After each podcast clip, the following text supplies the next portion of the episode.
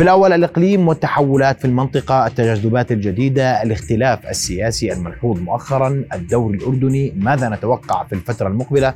حديث موسع مع ضيفي الدكتور مروان المعشر نائب رئيس الوزراء الأسبق. مساء الخير دكتور. مساء النور. رؤيا بودكاست. وبدي أبدأ معك من حيث ذكرت في المقدمة وإحنا اليوم بنحكي عن معادلات دولية كأنها تختلف.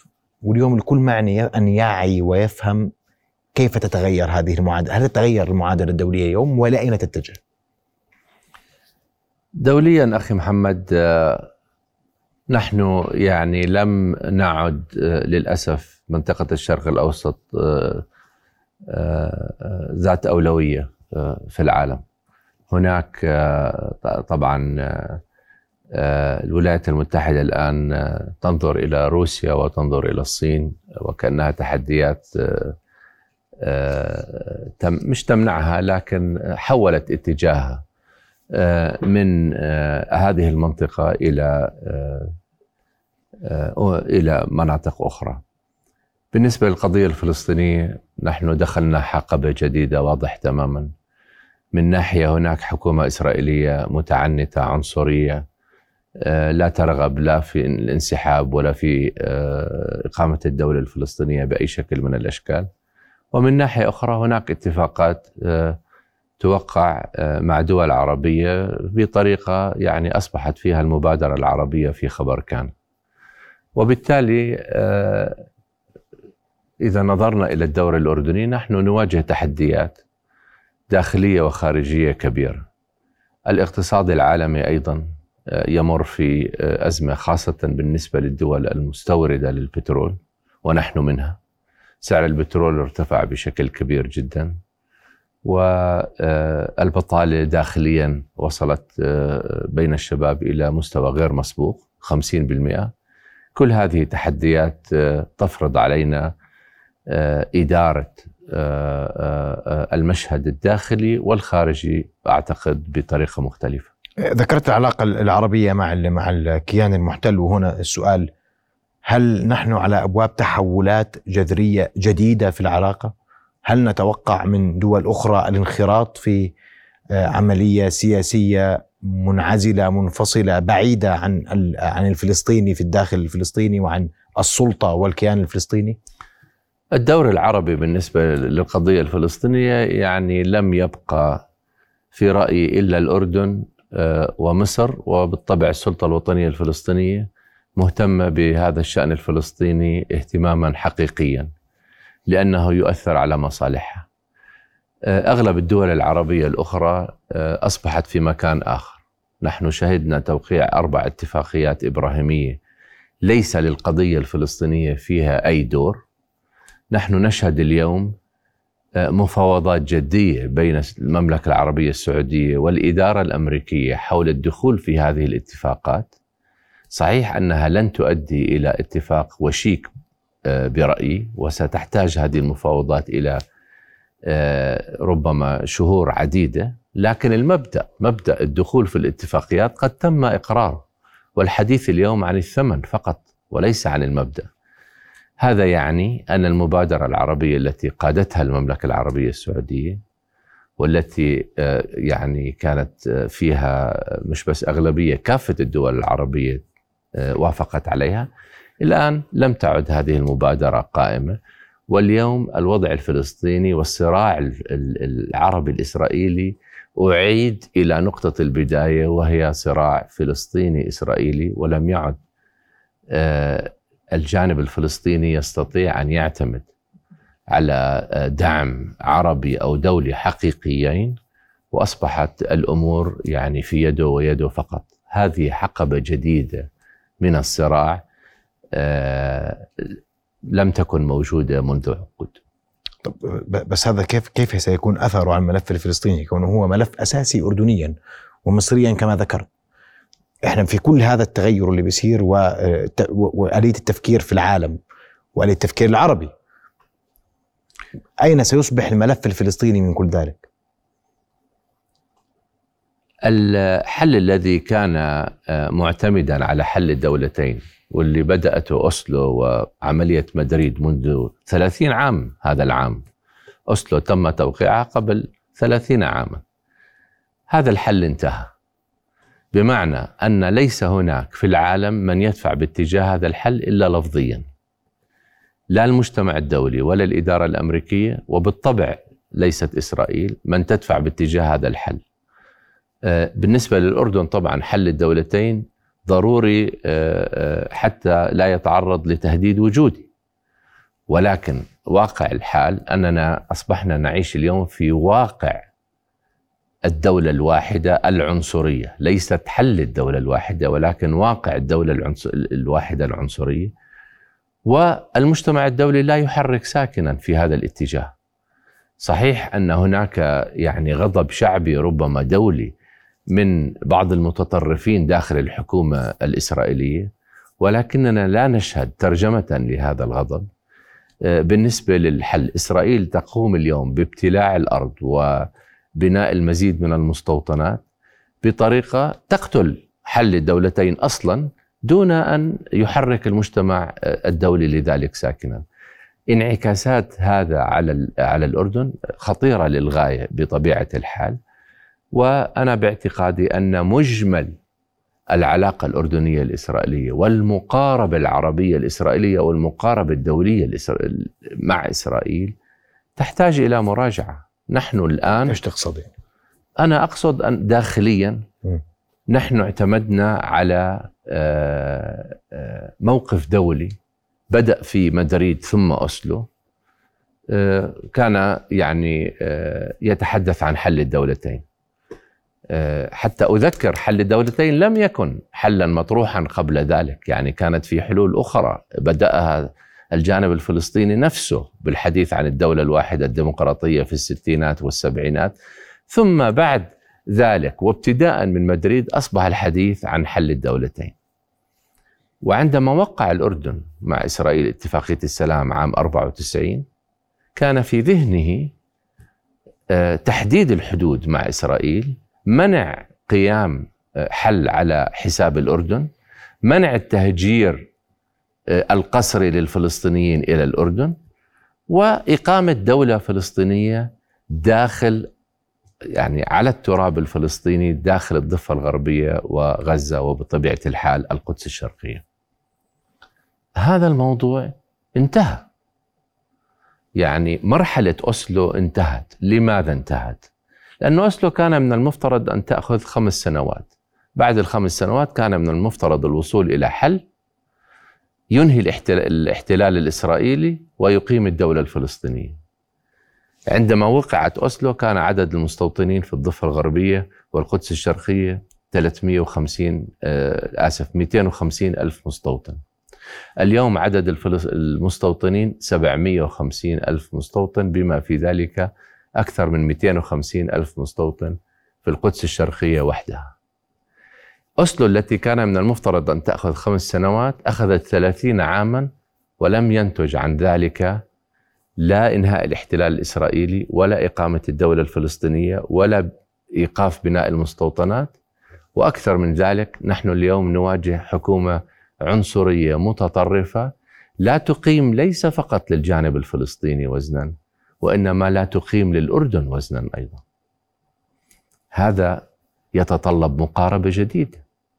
هذا يتطلب أن نجلس جميعا وأنا يعني دعوت أكثر من مرة هذا يتطلب حوار وطني حقيقي أن نجلس جميعا وننظر في الخيارات الموجودة أمامنا.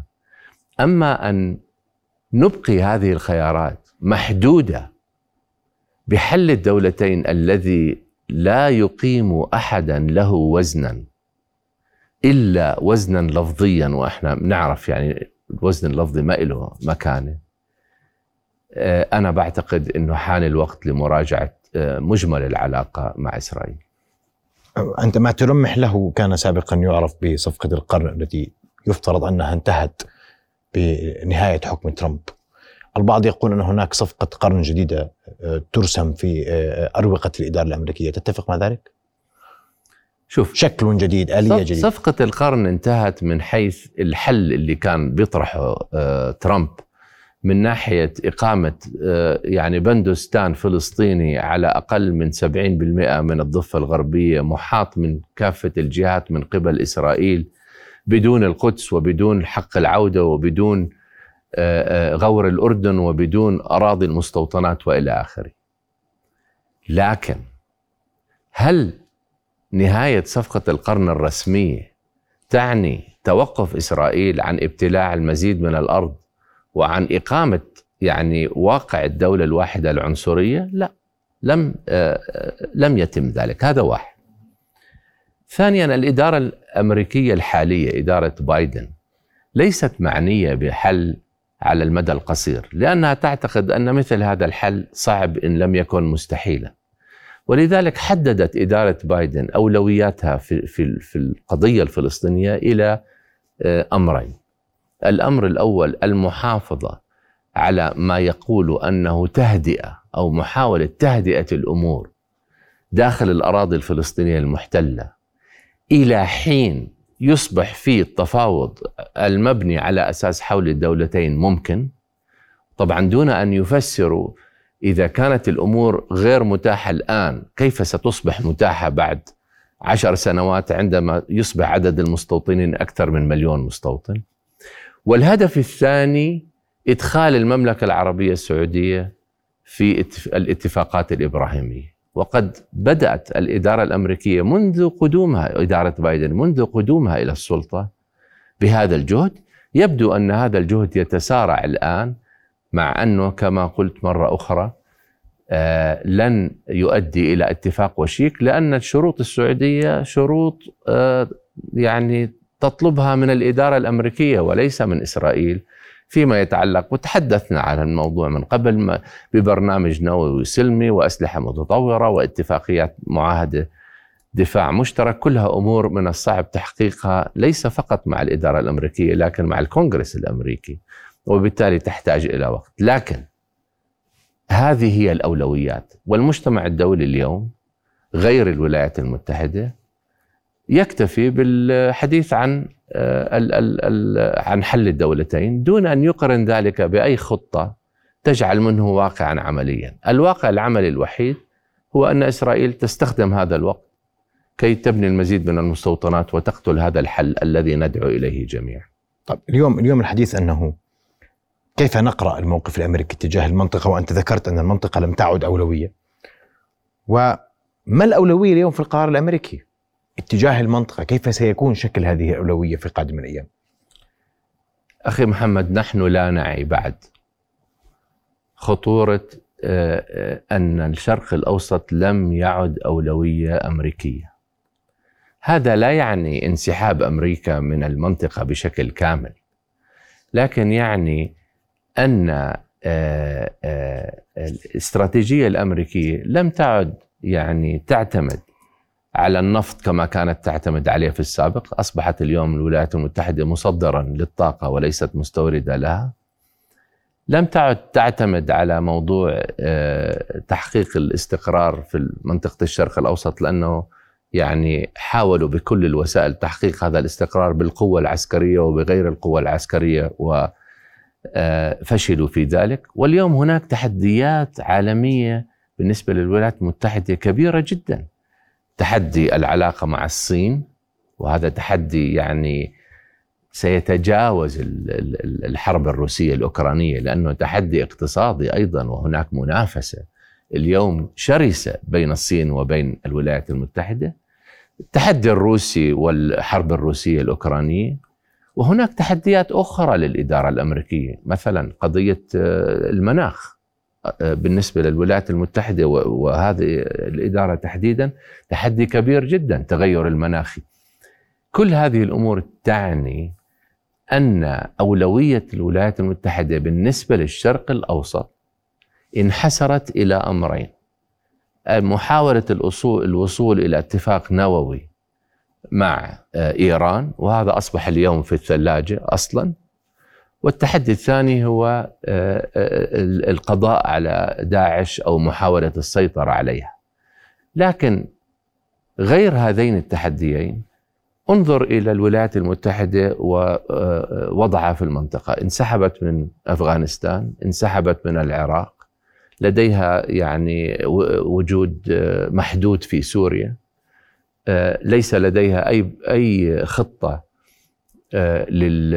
للتفاوض مع بين الفلسطينيين والإسرائيليين، فكل هذه الأمور طارئة، يعني نحن لم نكن آه، آه، نتعامل مع الولايات المتحدة في السابق آه، كما نتعامل معها الآن. واقع الحال اليوم أننا خرجنا عن دائرة الاهتمامات ال ال ال يعني القصوى للولايات المتحدة في العالم.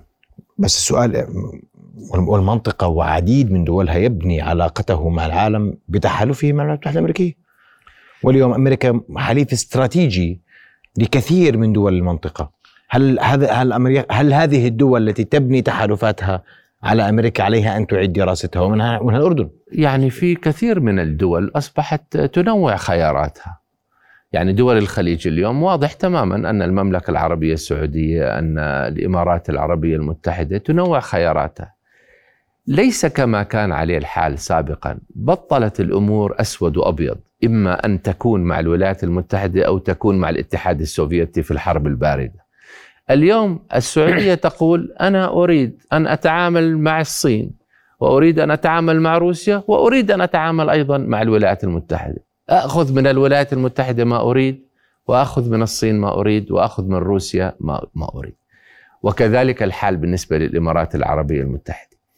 فالموضوع لم يعد يعني آه، اختيار بدائل أصبح هو تنويع خيارات تنويع الخيارات وليس يعني كما قلت آه، النظر إلى الأمور آه، يعني بطريقة أسود أو أبيض.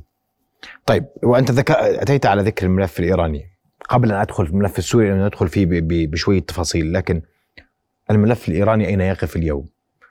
هناك تغيرات وتحولات في العلاقة الإيرانية مع الإقليم وهناك من يتحدث عن تغيرات في العلاقة الإيرانية مع الولايات المتحدة الأمريكية تتفق مع ذلك أم تختلف؟ شوف في تطورين على الملف الإيراني في الفترة الأخيرة. التطور الأول هو انتهاء المفاوضات حول آه، اتفاق نووي مع الولايات المتحدة خاصة بعد المظاهرات اللي شهدتها إيران داخليا والتي أصبح بموجبها من الصعب على الولايات المتحدة أن آه، آه، يعني تصل إلى اتفاق نووي مع إيران بينما جزء من الشعب الإيراني يقوم بالتظاهر ضد النظام الإيراني.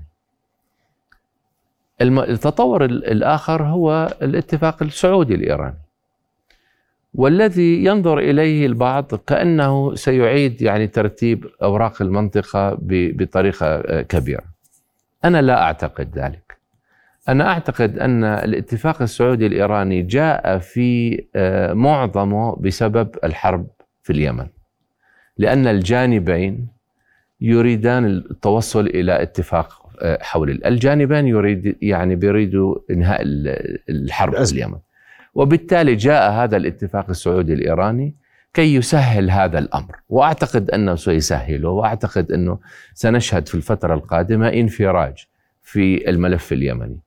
لكن من يعتقد أن الاتفاق السعودي الإيراني سينتج عنه انحسار النفوذ الإيراني في لبنان مع آه، آه، حزب الله أو في سوريا أو في العراق مع جماعات الحشد الشيعيه فأنا لا أعتقد ذلك، لا أعتقد أن إيران في وارد أن آه، يعني تقدم تنازلات في هذه الملفات جميعا، أما في الملف اليمني نعم. توسع إيراني آخر ممكن اليوم؟ أم أن إيران حققت أهدافها على أقل تقدير في البدء المنظور؟ لا هي مش قضية حققت أهدافها، إيران اولا تعاني من يعني أزمة اقتصادية خانقة، الحصار الاقتصادي آه، المفروض عليها يعني آه، ليس ليس بالأمر السهل. إيران توسعت في المنطقة. يعني اليوم النفوذ الإيراني في العراق في لبنان في سوريا في اليمن يعني لا أحد يستطيع إنكاره. لكن لا أعتقد أنها تستطيع يعني التوسع أكثر من ذلك لديها مشاكل داخلية عديدة واليوم إضافة إلى كل ذلك لديها مشاكل يعني داخلية آه، من ناحية آه، رجوع المظاهرات اللي آه، كانت موجودة في السابق. فانا بعتقد أن الوضع سيبقى على ما هو عليه إلى إلى إلى دكتور دكتور راح أكمل معك في سوريا ذاهبة إلى سلم الحرب وموضوع اللاجئين لأنه ملف اليوم يؤثر على الجميع. برأيك؟ هي ليست ذاهبة إلى حل بدون أدنى شك. يعني الأزمة السورية لا تحل بالقبضة الأمنية أو العسكرية للنظام السوري. لن تحل الأزمة السورية إلا بإشراك كافة المكونات السورية في عملية صنع القرار. وهذا بالطبع لا يتم. ونحن نرى ما يحدث الآن في السويدة وفي درعا من مظاهرات واحتجاجات ضد النظام يعني مباشرة. فاليوم الأزمة السورية يعني بشكل أو بآخر هادئة بشكل مصطنع ولكنها ليست هادئة لأن مشاكل الشعب السوري قد تم حلها. لم يحل شيء على الإطلاق بل على العكس يعني هناك أكثر من 500 ألف ربما قتيل سوري وهناك أكثر من 12 ألف لاجئ ونازح آه، في سوريا نصف الشعب السوري إما لاجئ أو نازح هذه الأيام. هذا ليس حل. طب اليوم اليوم في ملف لاجئين؟ طبعا. وفي بحث معمق لآليات حل لهذا الملف. وهناك رغبة بالعودة الطوعية للاجئين. وهناك حديث عن عودة اللاجئين السوريين إلى سوريا. في معادلة ما ذكرت أنت وكأن هذا الأمر هذا حلم. خلينا نتحدث عن القانون الدولي وما يقول عن موضوع اللاجئين. القانون الدولي محكوم ببروتوكول أقرته الأمم المتحدة للاجئين عام 1951 وهو يقول بأن على الدول المجاورة والمضيفة أن تستقبل اللاجئين إذا أتوا إليها. ويقول أيضا أنه لا يسمح لهذه الدول آه، بأن ترغم اللاجئين على العودة إلى بلادهم. الأردن لم يوقع على هذا البروتوكول عام 51 ولكن الأردن لا يستطيع أن يغفل هذا البروتوكول أيضا لأن الأردن مرتبط بمعاهدات دولية وبمساعدات دولية تأتي لأمور أخرى لا تتعلق باللاجئين. لا يستطيع الأردن اليوم أن يتحمل مزيد من الأعباء المالية بسبب قضية اللاجئين لأنه الآن بيستضيف يعني 15% من سكانه. وفي نفس الوقت لا يستطيع أن يتحدث عن أو أن يقوم بأي عودة قسرية لهؤلاء اللاجئين. الموضوع الآخر أن استطلاعات الرأي في الأردن للاجئين السوريين تظهر أن 97% من اللاجئين السوريين لا يرغبون بالعودة الطوعية لا يرغبون بالعودة. وطالما بقي النظام السوري في الحكم فرأي اللاجئين السوريين في الأردن واضح لن يعودوا إلى إلى سوريا تم تقديم ضمانات تم تقديم آه، وعود تعهدات دولية. اللاجئين السوريين وأنا بتحدث إليهم بالمناسبة يعني آه، بانتظام من من من شغلي لا يثقوا بالمجتمع الدولي ولا يثقوا بأي ضمانات تقدم لهم. هذا واحد. اثنين أيضا يجب أن نعترف أخي محمد أن الحكومة السورية لا ترغب بعودة هؤلاء اللاجئين لأن جلهم ممن أتوا إلى سوريا أو إلى إلى الأردن أو إلى لبنان أو إلى تركيا جلهم من المعارضين للنظام. وإذا ما رجعوا حتى لو أعطوا ضمانات وهم اللي عم برجع يعني عم بتعرض لمضايقات واضحة لكن هو ما عم برجع على داره لأنها راحت. البنية التحتية تدمرت آه، دمرت بشكل كامل في سوريا.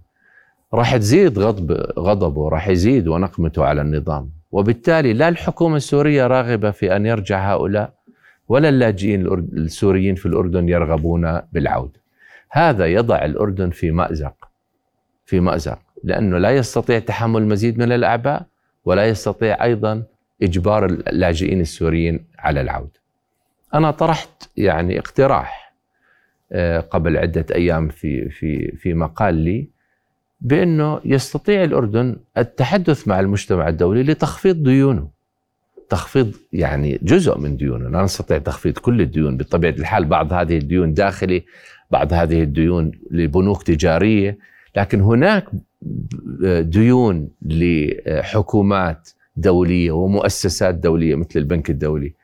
وصندوق النقد يستطيع الأردن أن يتحدث مع المجتمع الدولي ويقول أنا غير قادر على تحمل المزيد من الأعباء المالية إن تم تخفيض بعض ديوني سينتج عن ذلك توفير في خدمة الدين التي أدفعها في كل عام وأستطيع أن أوظف هذا التوفير للاجئين السوريين وللمجتمعات المحلية الأردنية أيضا. بس هذا يقبل به البنك الدولي والمجتمع الدولي بدنا نجرب يعني بدنا نجرب. أنا لا أنا يعني سويناها. دائما ما يقلق على تصنيفه الائتماني إحنا وعلى إحنا عملناها في الماضي. متى؟ أنا بتذكر إحنا لما خفضنا ديوننا في الماضي في التسعينات صار في حديث مع المؤسسات الدولية وصار في حينه تم الحديث إنه الأردن ليس في وضع ائتماني يسمح له بتخفيض ديون لأنه غير مصنف من الدول الفقيرة. هو من الدول المتوسطة أو ال ال ال ال لكن تمكنا. الحديث مع نادي باريس مع نادي لندن وتمكنا من تخفيض يعني جزء من من ديوننا. فتم هذا الحديث في الماضي ونستطيع أن نكرره لكن بده جهد. أما الوضع القائم آه، اللي مرة أخرى من ناحية لا نستطيع تحمل المزيد من الأعباء ولا نستطيع إرغامهم على على العودة فهذا وضع غير مستدام.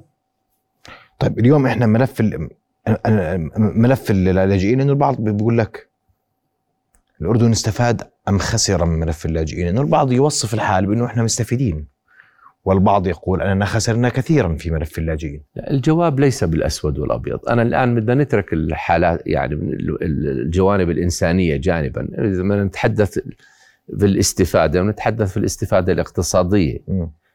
لا شك أن الحكومة الأردنية تحملت عبء يعني إضافي على موازنتها بسبب موضوع اللاجئين هذا لا شك فيه وهي بالتالي خسرنا اقتصاديا من هذا الجانب لكن هناك جوانب ربحنا فيها أيضا.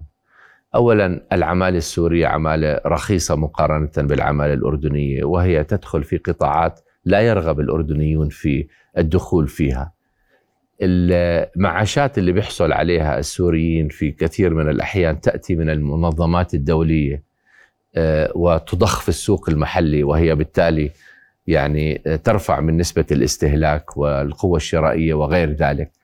فمن هذه الناحية الاقتصاد الأردني بشكل عام استفاد من هذا في هذا الجانب من اللجوء السوري. فمن الصعب القول أن استفدنا يعني بشكل مطلق أو خسرنا بشكل مطلق. طب من كل ما تحدثت الأردن ان يقف من كل الملفات اللي ذكرتها اليوم. في كل ما ذكرت. والله قبل أن أدخل في ملف داخل الأردن يعني آه، لدينا تحديات هائلة. لدينا تحدي اقتصادي تحدثت عنه كبير.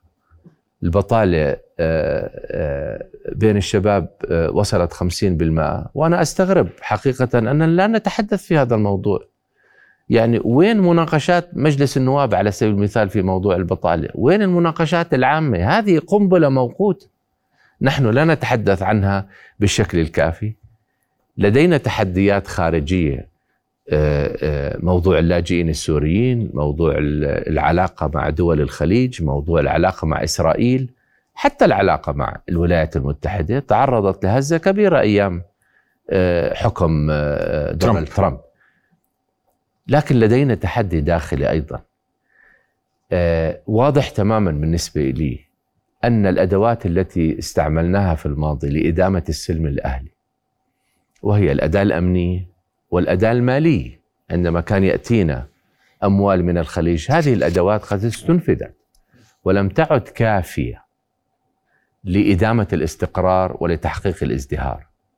وأصبح من الضرورة بمكان اليوم أن نعيد قراءة المشهد وأن نتصرف بعقلية جديدة عقلية سياسية تفتح المجال والفضاء السياسي في الأردن.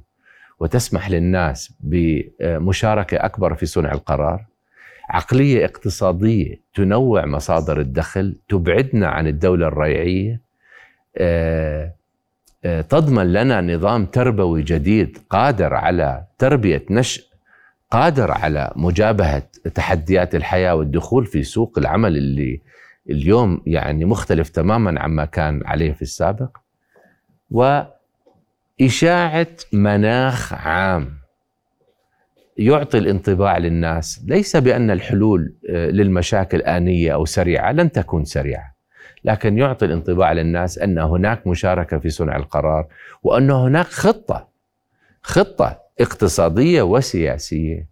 آه، بس إحنا اليوم عندنا خطة سياسية وعندنا خطة اقتصادية وعندنا خطة إدارية. إحنا المطلوب أخي محمد تسمح لي فيها. كان عندنا خطة أيام الأجندة الوطنية أيضا. وكان عندنا خطة أيام كلنا الأردن. وكان عندنا خطة خطط عديدة. ليس المطلوب اليوم فقط بلورة خطة. المطلوب اليوم تنفيذ هذه الخطط. نحن نتحدث عن عملية مثلا تحديث الاقتصاد.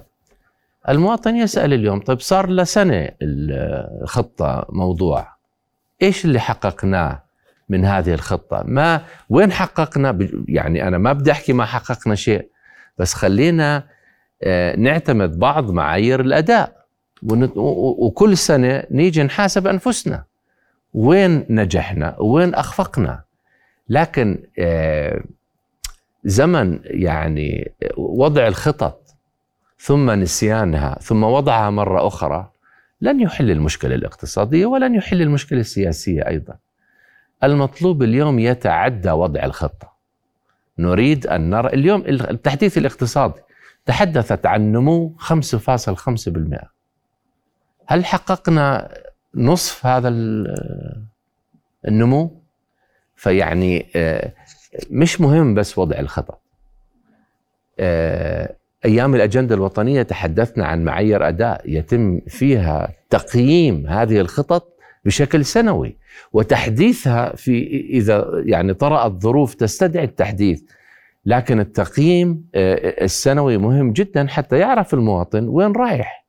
مرة أخرى لدينا تحديات كبيرة لن تحل بين ليلة وضحاها لكن المواطن يريد أن يعرف أنها ستحل أن هناك خطة وهناك تنفيذ للخطة كي تحل هذه المشاكل.